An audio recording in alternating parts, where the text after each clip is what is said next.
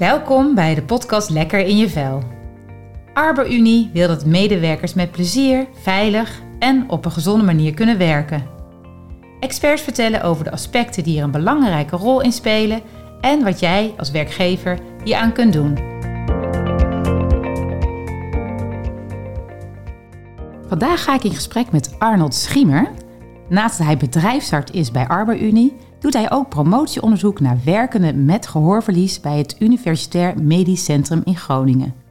Dit doet hij via de academische werkplaats van ArborUnie, waardoor hij de opgedane kennis direct kan toepassen en delen in de praktijk. Nou, vandaar ook deze aflevering. Arnold, welkom. Dankjewel.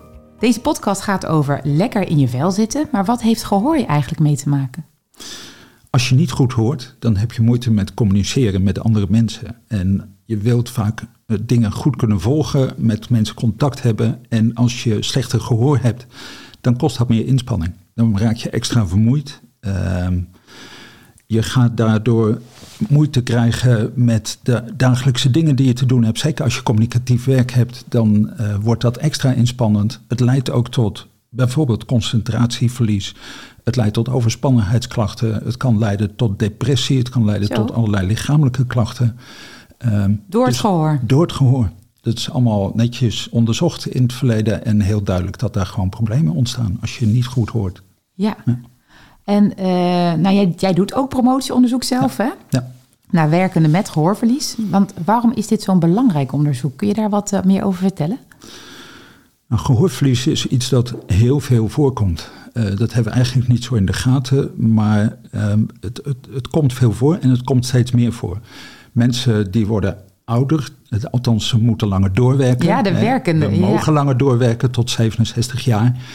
En dat betekent dat er steeds meer mensen met een gehoorprobleem aan het werk zullen zijn. Ja. En daarbij is het zo dat ze met het oplopen van de leeftijd toch vaak iets minder veerkracht hebben. Dus hè, wat ik net uitlegde, dat op het moment dat je slechter gehoord, dat dat extra energie kost. Ja. Ja, dat is een slechte combinatie. Ja. Eh, dus daarom is het van belang om daar meer van te weten. Ja, en ook op tijd eh, daar misschien iets aan te kunnen doen, hè? Ja, ja. Want heb je ook eh cijfer? Want hoeveel mensen gaat het eigenlijk in Nederland? Hoe, hoe groot is eigenlijk het probleem? Eh? Nou, dat, dat, dat is ingewikkeld als je dat precies zou willen weten. Maar we hebben in de tijd als bedrijfsartsen een richtlijn gemaakt over gehoorverlies en tinnitus. Mhm. En daar hebben we goed gezocht naar cijfers die er beschikbaar zijn. En uiteindelijk kwamen we erop uit dat voor de mensen in de werkende leeftijd van 18 tot 67 Ja, er eh 260.000 mensen ongeveer zouden zijn die meer dan 35 decibel gehoorverlies hebben.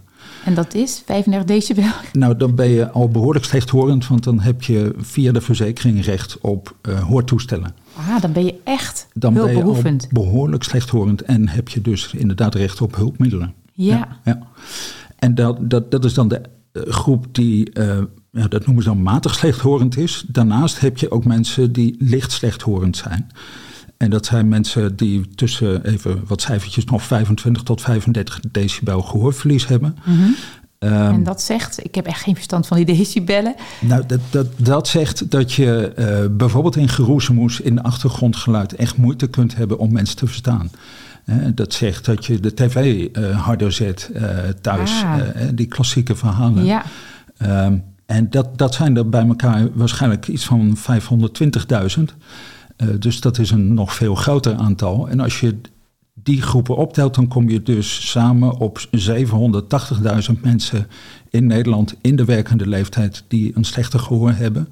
En zeker als ze communicatief werk doen, bijvoorbeeld in een onderwijssetting werken, dan heb je daar echt behoorlijk last van. ja, het is steeds meer hè, communicatieve eh, eh, beroepen die er Ja. zijn. Ja. Ehm, en wat jij zei ook van hè, gemiddeld verhoorverlies, dat je in geroezemoes eh, zit. Is het ook zo zeg maar, dat je dan, eh, als er meerdere mensen tegelijk praten, dat je dat moeilijk kunt eh, volgen? Ja, ja, ja. De, de, de, het je concentreren op wat iemand zegt, wordt dan ingewikkelder te- omdat er afleidend geluid is. Ja, en er is natuurlijk tegenwoordig continu bijna afwij- eh, afleidend geluid. Ja, ja. Of in de klas, wat Ja, je net eh, ook precies. zei. Kijk, zoals wij nu tegenover elkaar zitten, één op één, dan is In de dat studio, dus op zich eh, heb je bijna geen... eh, perfecte geluidsomstandigheden. Nou, dan, dan kun je met een licht en ook met een matig gehoorverlies kun je nog best goed uit de voeten. Maar op het moment dat je inderdaad bijvoorbeeld in een klas zit, of je zit aan een balie met allerlei achtergrondgeluiden, of je zit in een vergadering waar allerlei mensen door elkaar heen praten. Of je zit op een plek waar allerlei achtergrondgeluid is. Ja. Bijvoorbeeld in een cabine van de trein als machinist. Ja, dan, dan wordt het ingewikkeld om te verstaan wat je moet verstaan. En dat te horen wat je moet horen. ja, en dan kost het je ook heel veel energie, waardoor Ja. je juist weer extra vermoeid thuis komt. Ja, ja, En eh, die lekker in je vel eh, gevoel eigenlijk er, er niet is. eh. ja. ja. En nou ja, we hebben het over hè, het aantallen gehad, eh, hoeveel mensen ongeveer Ja. het, het hebben. Maar de economische schade van gehoorverlies. Want hè, de werkgever is natuurlijk ook wel belangrijk van... eh, ja, wat levert me op als ik daar wat aan ga doen? Ja. Nou, die is groot. Ehm, de- de- er zijn verschillende manieren waarop je daarnaar kunt kijken. Eén manier is eh, eh, kijken naar hoeveel jaren gaan er verloren of hebben mensen te maken met beperkingen door hun gehoorverlies.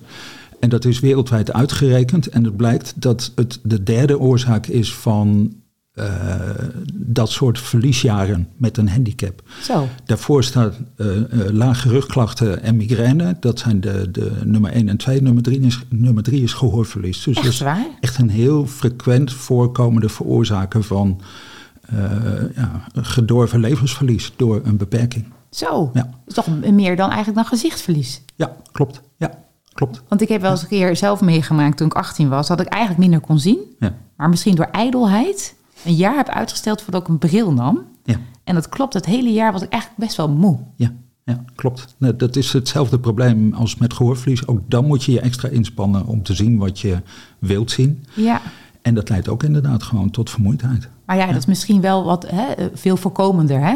Mensen, eh, brillen hebben, hebben mensen gewoon. En, en oor, je gehoor, dan ga je Het toch wat wat... meer in de taboesfeer inderdaad. Ik weet het van mezelf ook. Ik ben ook brildragend. En toen ik een jongetje van acht was, wilde ik ook geen bril eigenlijk. Maar uiteindelijk viel ik door de mand. Ja, dus je moet toch het bord kunnen lezen en zo. Precies. Nou, dan, dat, dat, hè, dat, die, die, ehm, eh, het is dus een heel frequent voorkomende oorzaak. En als je het in geld uitdrukt, dan is het ook fors. Eh, er is een onderzoek van de Wereldgezondheidsorganisatie van een jaar of twee terug. Waar ze berekend hebben dat op wereldschaal ongeveer 100 miljard euro verloren gaat. eh, aan productiviteitsverlies door gehoorverlies dat niet goed behandeld wordt. Zo, En- op wereldwijd is dat, hè? dat is wereldwijd. En dat gaat dan bijvoorbeeld om eh, mensen die eh, werkloos zijn, die met hun beperking niet aan het werk komen. Het zijn mensen die veel later aan het werk komen dan dat het. Dus werkloosheid is een probleem. Mensen stoppen eerder eh, en raken op die manier dus buiten de arbeidsmarkt. En er is ook meer een ziekteverzuim als gevolg van gehoorverlies.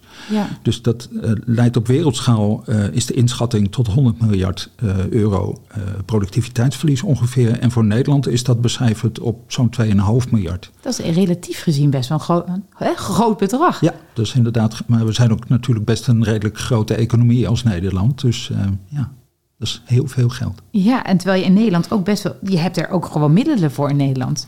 Ja, ja. En toch, toch blijkbaar is dat toch eh, nog niet genoeg onderkend. ja. Dat mensen daardoor uitvallen. Ja. En Arnold, wat voor klachten moet ik dan eigenlijk denken als je het hebt over eh, gehoorverlies? Nou ja, natuurlijk vooral het niet goed kunnen verstaan wat er gezegd wordt. Ehm, zeker in communicatief werk, waar je met collega's en met anderen eh, allerlei dingen aan bespreken bent, is het heel vervelend als je niet goed kunt verstaan wat je wilt verstaan. Dat betekent dat mensen daardoor zich extra gaan inspannen, ehm, een hogere luisterinspanning hebben, zoals we dat dan eh, in, in vaktermen noemen. Luisterinspanning. Ja. Ja. En dan aan het einde van de dag helemaal kapot en afgemat zijn. En thuis eh, eh, ja, weinig kunnen ontspannen. Alleen even de noodzakelijke dingen naar bed gaan. En als je dat lang genoeg volhoudt, ja, dan kan dat een belangrijke oorzaak van overspannenheid zijn, bijvoorbeeld. Ja, terwijl je vaak bij burn-out aan hele andere dingen denkt. Hè? Je denkt niet gelijk aan iets medisch. Nee, nee. Nee, wat wij als bedrijfsartsen eh, standaard zouden moeten doen op het moment dat we mensen spreken die overspannen zijn, is informeren naar hun gehoor. En heel vaak eh, ja, zijn mensen zich niet bewust van een licht gehoorverlies. Maar je kunt bijvoorbeeld met vragen eh, over hoe is het als je op een feestje bent, kun je dan makkelijk een gesprek voeren. eh, moet de tv ook harder staan? Nou, met dat soort eenvoudige vragen al een eerste indruk krijgen. Ja, en jij bent natuurlijk ook op gefocust, hè? Ja. Vanuit je onderzoek. Ja. Maar het is inderdaad goed om dat gewoon bij, bij stil te staan. Dat dat gewoon een oorzaak kan Ja. zijn. Ja. En het is ook wel belangrijk in, in wat voor context het is. Hè? Wat voor, hè, sommige mensen hebben misschien even slecht gehoor. Maar de een heeft er wel last van en de ander niet. Ja. Nou ja, de bouwvakker die heeft dus geen hinder van zijn slechte gehoor op het werk als je uh, docent bent, als je bijvoorbeeld met kleuters werkt. Zo, die maken veel geluid. Daar is heel veel achtergrondgeluid, hoewel natuurlijk kleuters ook wel wat gedisciplineerd kunnen zijn in de klas, maar daar is gewoon veel achtergrondgeluid. Uh, en ja, dan wordt het echt vermoeiend om daar goed je werk te kunnen doen. Ja. ja. Dus dat is een heel erg. Dat is ook de setting waar ik mijn onderzoek in gedaan heb en aan het doen ben. Uh, juist die uh, uh, onderwijsgevenden, en dat is niet alleen het basisonderwijs, maar zeker ook het voortgezet onderwijs en daarboven waarschijnlijk ook nog wel. Uh, daar zul je, ja, dat zijn de groepen waar het interessant is om te kijken wat er gebeurt als je slechter hoort. Om vervolgens ook beter na te kunnen denken bij wie je op welke manier kunt gaan ingrijpen. Ja, want een werkgever die zou daar natuurlijk wel iets aan kunnen doen. Je kunt een, een, een leraar moeilijk in een hokje zetten, in een stil hokje, maar zijn er nog andere dingen die je dan als werkgever zou kunnen doen? Nou ja, er zijn allerlei dingen die je kunt doen. Um, het, het, eerste, en dat is denk ik het meest essentiële wat mij betreft, waar we uh, tot nu toe in Nederland weinig gaan doen, dat is aandacht geven aan de, uh, de hoorfideliteit van de medewerkers in communicatief werk.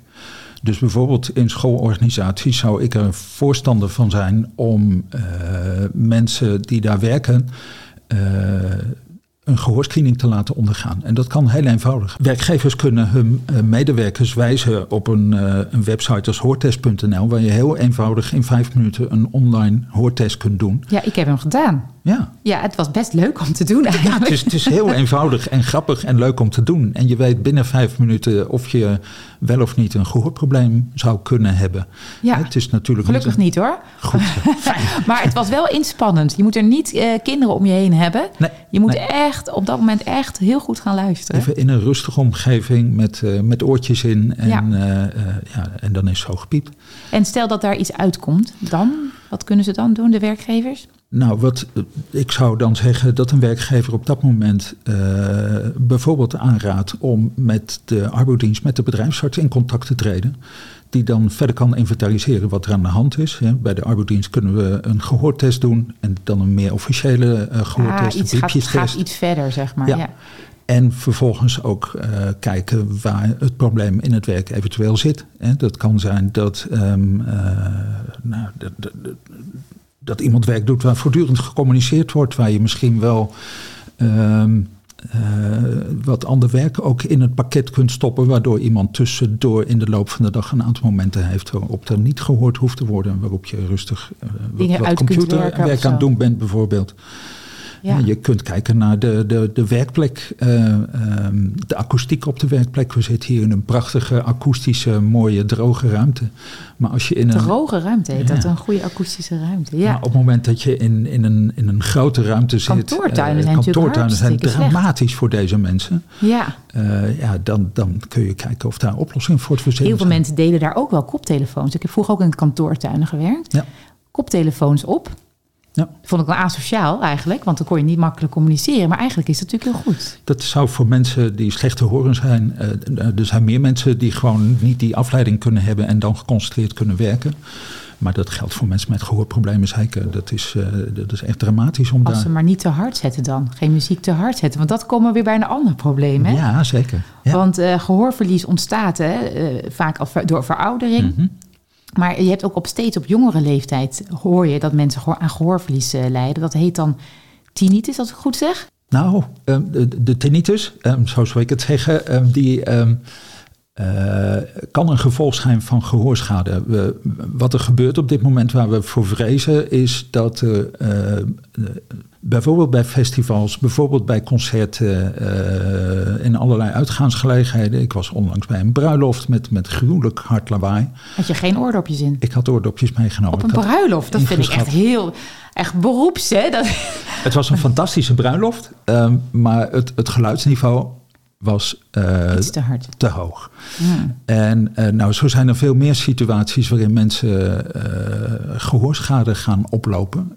we weten dat op het moment dat je gedurende acht uur in een geluidsniveau van 80 decibel bent, en dat is vrij rustig, dan is er niks aan de hand. Maar op het moment dat je Ja, in, in, er is op dit moment discussie of het 102 of 103 decibel zou moeten Lijkt zijn. heel niks, hè? 102 of 3. Daar mag je maar een paar minuten in zijn. Althans, ja, je moet doen wat je niet later kunt. Maar na een paar minuten loop je daar een reëel risico op gehoorschade. Zonder oordopjes. Zonder oordopjes. Ja. Dus uh, ja, dat, dat, dat, gaat leiden tot meer gehoorschade uh, op de langere termijn. Als dat gebeurt, ja, dan heb je de eerste jaren daar niet zoveel last van. Dan kun je wel in gehoortesten zien dat er gehoorschade is. Maar hoe ouder je wordt, hoe minder goed je gehoor wordt. Dat gaat altijd vanzelf. Ah, maar dus bij eigenlijk die oortesten die, die ik had gedaan, dan kun je Mhm. eigenlijk al gelijk zien of ik schade bij een festival heb opgelopen.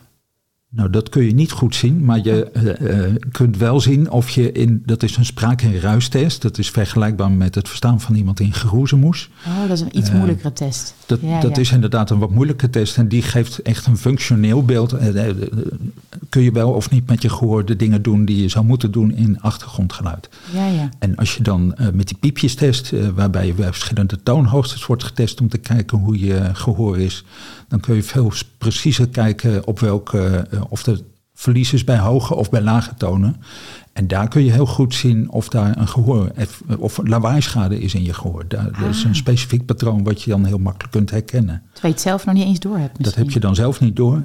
Maar als je dan ouder wordt en je gehoor gaat nou één keer achteruit als je ouder wordt. Ja. Um, dat is heel normaal, net zoals we grijs worden en kaal worden en allerlei andere verouderingsverschijnselen hebben. Hoop je... niet allemaal, hè? Nee, maar ja, dan ga je dus echt last krijgen. En op het moment dat je op achterstand begint vanwege die lawaaischade die je in je jeugd hebt opgelopen, dan heb je een uh, groter probleem. En vaak gaat dat gepaard met uh, gehoorschade, gaat vaker gepaard met tinnitus. Het kan ook zijn, en dat zie je de afgelopen periode ook in de media, dat Ja. je uh, kort nadat je in zo'n lawaaierige omstandigheid hebt gezeten, Enorme Ehm, piepen hoor je dan. dat het, nou, ik weet dat van mijzelf eerlijk gezegd uit het verleden ook wel. Dat je dan een periode, een, een 1, 2 uur nadat je uit het lawaai kwam, dat je een piep had. Nou, dat gaat gelukkig bij de meeste mensen wel weg, maar bij sommige mensen gaat dat niet weg. En dan blijft het. Ja, daar hoor je nu best wel veel over. En dat is tinnitus. En dat is uh, inderdaad behoorlijk in het nieuws op dit moment. Ook Uh, gewoon jonge mensen en die moeten Ja. daar dan mee leren leven. Ja.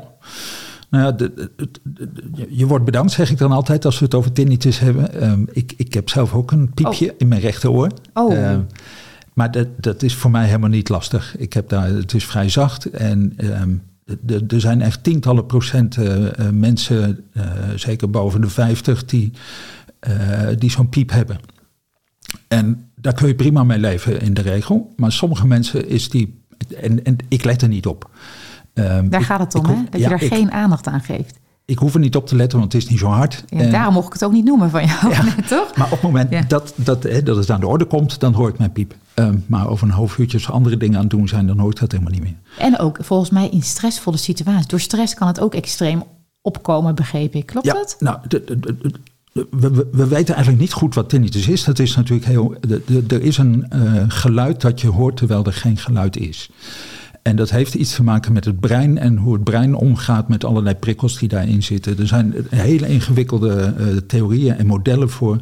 Dat voert allemaal veel te ver. Dat, eh, maar op een of andere manier is er een filter wat niet goed werkt op het moment dat je vermoeid bent. Of als je in stress zit. Ja. En dan is dat eh, geluid komt harder naar boven. En dan, ja, dan, dan kan dat echt. Dan is het dan een zwakke schakel eigenlijk. Hè, door, je, door die schade.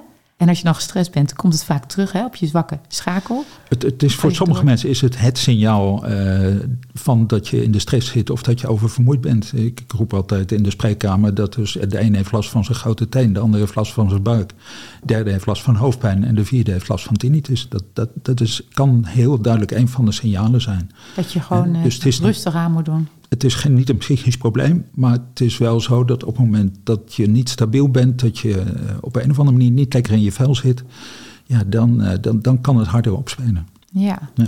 Maar dat heeft allebei met slechthorendheid te maken. Ja. En eh, er zijn toch wel twee hele verschillende aanpakken. Want de Mhm. ene kan je medisch oplossen of medisch met, met de hulpmiddelen. Ja, ja. Maar als werkgever, zeg maar, hoe, hoe kun je dan... Is, is dat er één manier waar je met allebei die soorten om moet gaan? Of zeg je van, nou ja, dit dit is een hele andere aanpak. Nee, dat is denk ik een hele andere aanpak. Op het moment, eh, tinnitus is, ehm, de truc is, uh, truc tussen aanhalingstekens om ermee om te gaan, is te leren om er minder op te letten. En dat is makkelijker gezegd dan gedaan. Zo, dus daar zijn hele goede uh, behandeltrajecten voor, waarbij je technieken aanleert om, om jezelf af te leiden en er minder mee bezig te zijn.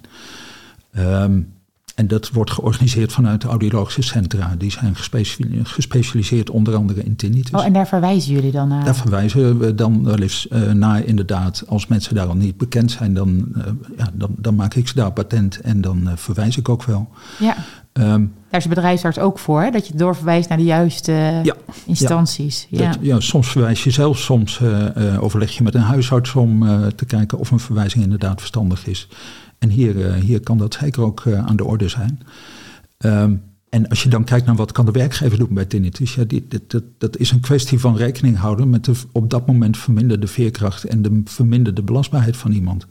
Als het echt als een, als een toeter door het hoofd gaat en iemand slaapt helemaal niet meer, ja, ja dan, dan. Dat hoor je ook, ja. Ja, dat kan. Zelfs heel, gaat het gewoon door, dus. Ja, ja. Dat kan heel invaliderend. Ja, dan kunnen mensen soms een poosje even niet werken. Dan is het zaak dat ze leren om het te hanteren dus dan komt zo'n traject bij een audiologisch centrum bijvoorbeeld in beeld. En daarna is het een kwestie van geleidelijk aan weer proberen aan het werk te komen met de mogelijkheden die er dan weer zijn. Ja. ja. Dus dat is tinnitus uh, wat de werkgever denk ik met name kan doen. En daarbij dus ook aandacht hebben voor de veerkracht en het evenwicht van de medewerker. En daarin ondersteunen met het soort werk dat ze doen en de druk die erin zit. En daar stapje voor stapje weer naar normaal gaan. Ja, weer opbouwen. Ja, en bij gehoorverlies ja, daar, daar zal in ieder geval ook gekeken moeten worden hoe dat gehoorverlies precies is. En daar zal ook, uh, ja, ook, ook, daar komt vaak, uh, zeker bij communicatief werk, een audiologisch centrum om de hoek kijken. Mm -hmm. Ook daarvoor kunnen we verwijzen. Daar kunnen ze goed onderzoek naar type gehoorverlies doen. Kunnen ze goed advies geven over wat uh, voor type hoortoestel en hoe dat ingeregeld moet worden. Er zijn allemaal fantastische technische mogelijkheden met microfoontjes die bij bijvoorbeeld uh, de, de, leerkracht om de, om de hals gehangen worden van de dove leerling, die uh, op die manier toch gelukkig veel mee kan krijgen. Ja, want dan komt het eigenlijk het geluid rechtstreeks in zijn oor terecht. Ja, dan komt het via het hoortoestel waar dan die microfoon aan gekoppeld is. Die binnen. techniek is toch zo fantastisch, dat hè? is prachtig. Ja. En dat gaat um, ook iets waar een werkgever iets in kan betekenen bij leerkrachten die slecht horen en toch graag hun werk willen blijven doen. Um, ja, daar zijn mogelijkheden uiteindelijk om uh, aan het plafond een aantal microfoons op te hangen.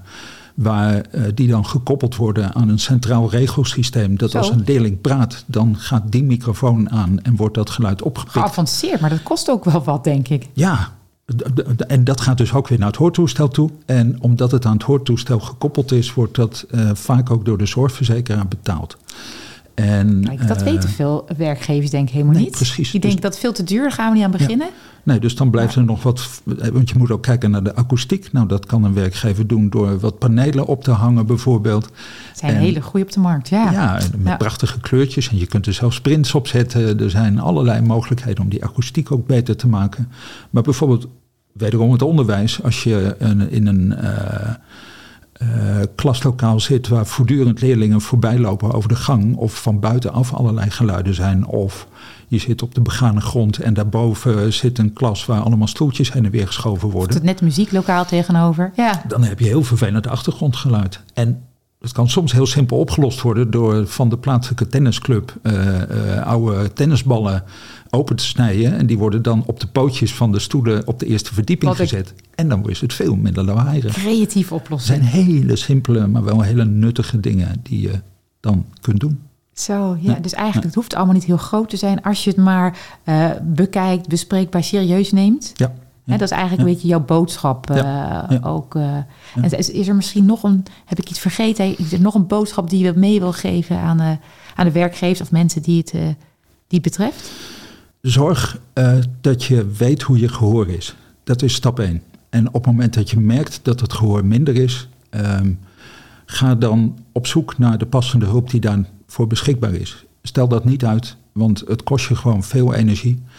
En dat gaat ten koste van je levensgeluk en je zit niet goed in je vel, niet goed eh, in je lijf. Ehm, en aan werkgevers eh, weet dat een gehoorprobleem echt een probleem is in het functioneren van iemand. Dat iemand daar veel last van kan hebben. Dat het een oorzaak kan zijn om, hè, waardoor iemand niet lekker in zijn vel zit. Ja, ja.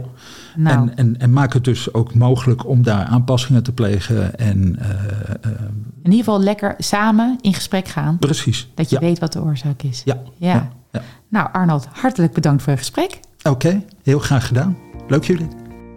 Dit was weer een aflevering van de podcastserie Lekker in je vel. We hopen natuurlijk dat we je hebben kunnen inspireren om met leefstijl aan de slag te gaan. En wil je meer weten over hoe je mensen lekker in de vel laat zitten? Luister dan naar onze volgende aflevering in deze podcastserie Lekker in je vel.